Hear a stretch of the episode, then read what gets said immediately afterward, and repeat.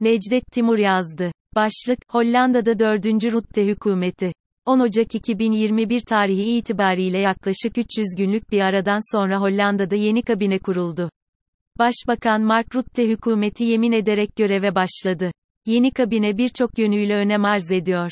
4 partili koalisyonda 20 bakan ve 9 devlet sekreteri bulunmakta. 20 bakanlı kabinenin 10 bakanı kadın olarak belirlenerek cinsiyet eşitliği ve temsili için örnek bir kabine olmuştur. Ayrıca Türkiye kökenli iki temsilcinin bakan olarak atanması ayrı bir önem taşımaktadır. Bunlar Takvim gazetesinin, koalisyon hükümetinde bir Türk ve diğeri kökenli kadın bakanda yer alacak diye verdiği haberde yer alan D66'dan Günay Uslu ve VVD'den Dilan Yeşilgöz Zegeryus. Günay Uslu Eğitim, Kültür ve Bilim Bakanlığında Stat Sekreterisi yani bakan yardımcısı olarak görev alacaktır. Dilan Yeşilgöz Zegeryus'un Ankara doğumlu Dersimli bir babanın kızı olarak doğdu. Babası 1980 darbesi sonrası sol sendikal çalışmalarından dolayı Hollanda'ya iltica etti. Vrije Universiteit Amsterdam'da Sosyo-Kültürel Bilimler bölümünde okudu. Amsterdam Belediye Başkanı'na güvenlik danışmanlığı yaptı.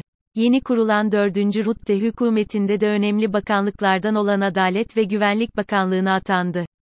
Hollanda'da Rutte Başbakanlığındaki koalisyon hükümeti çocuk yardım paralarının hesaplanmasında yaşanan skandal sonrası Ocak 2021'de istifa ederek düşmüştü. Çifte vatandaş olan göçmenlere ödenen çocuk bakım yardımının yanlış hesaplanması ve vatandaşların bir kısmının zan altında kalması nedeniyle büyüyen tartışmalar neticesinde 17 Mart 2021 tarihinde yapılan seçimler sonucu D66, Demokratlar 66, büyük bir başarı göstererek 150 sandalyeli mecliste 24 milletvekili sokarak VVD, Özgürlük ve Demokrasi için Halk Partisi'den sonra ikinci parti oldu. VVD 34 milletvekili çıkarmıştı. PVD, Özgürlük Partisi ise 17 milletvekili ile temsil edilecektir. Hristiyan Demokratlar CDA 15, Sosyalist Parti SP 9, İşçi Partisi PVDA 9, Sol Yeşiller 8, Demokrasi için Forum 8, hayvan haklarını savunan ve bunun için kurulmuş olan Hayvanlar için Parti Partijvoordieren 6, Hristiyan Birlik 5 vekil çıkardı.